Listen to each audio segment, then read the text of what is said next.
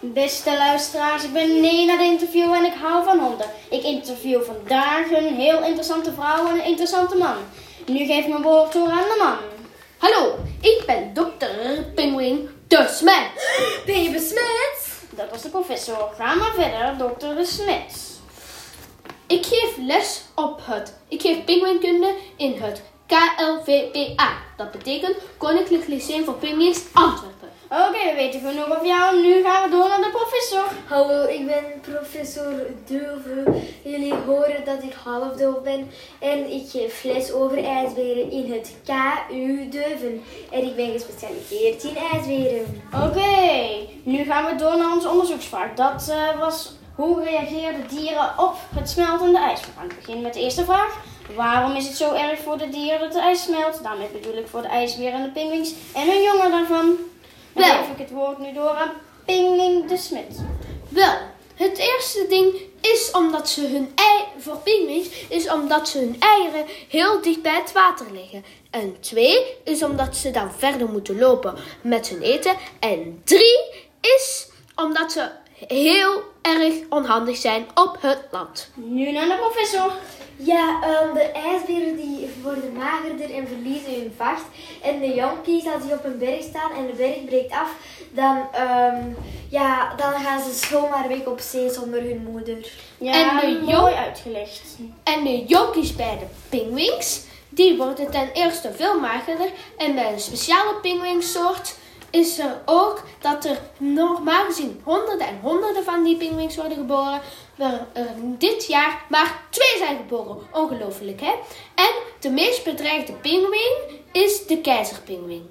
Nu naar vraag 2. Hoe komt het eigenlijk dat het ijs smelt? Eh, dat zit zo. Zeeijs reflecteert veel zonlicht. En als zeeijs eh, smelt, komt daar donker water voor in de plaats. Wat veel minder zonlicht weerkaatst. En eh, juist warmte opneemt. Hierdoor kan nog meer ijs smelten. De aarde en de aarde verder gaat opwarmen. Dankjewel, dokter Pingwing de Smit. Nu naar de dove professor. Goh, dat weet ik niet, maar ik heb wel een heel interessant weetje. Op de Noordpool gaat, het, gaat de opwarming van de aarde twee keer à drie keer zo snel. Dat is toch onmogelijk? Om, en nog een ander weetje. De opwarming aarde door de opwarming... ehm, door de opwarming komen de ijsbe- kunnen de ijsberen geen zeehonden meer vangen, want dat is hun prooi. Dankjewel, dat was zeer interessant. Wat gebeurt er nu met de dieren? Ehm, de pinguïns worden sneller moe en ze kunnen op minder plaatsen hun ei uitbroeden. Dankjewel, nu naar de professor. Heel erge dingen.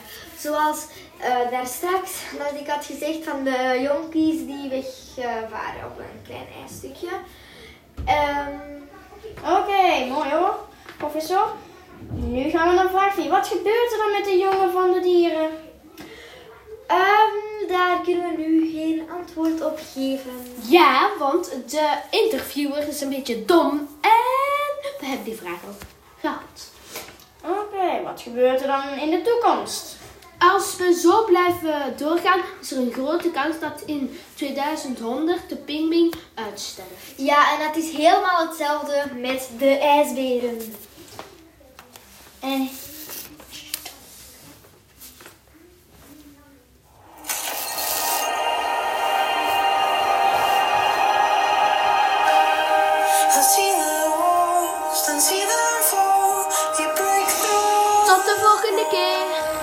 Dank u voor het luisteren.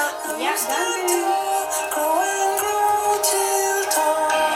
Van alle ongerepte natuurgebieden op aarde is er geen één zo imponerend als de Noordpool. Nu weer tot bij de quiz.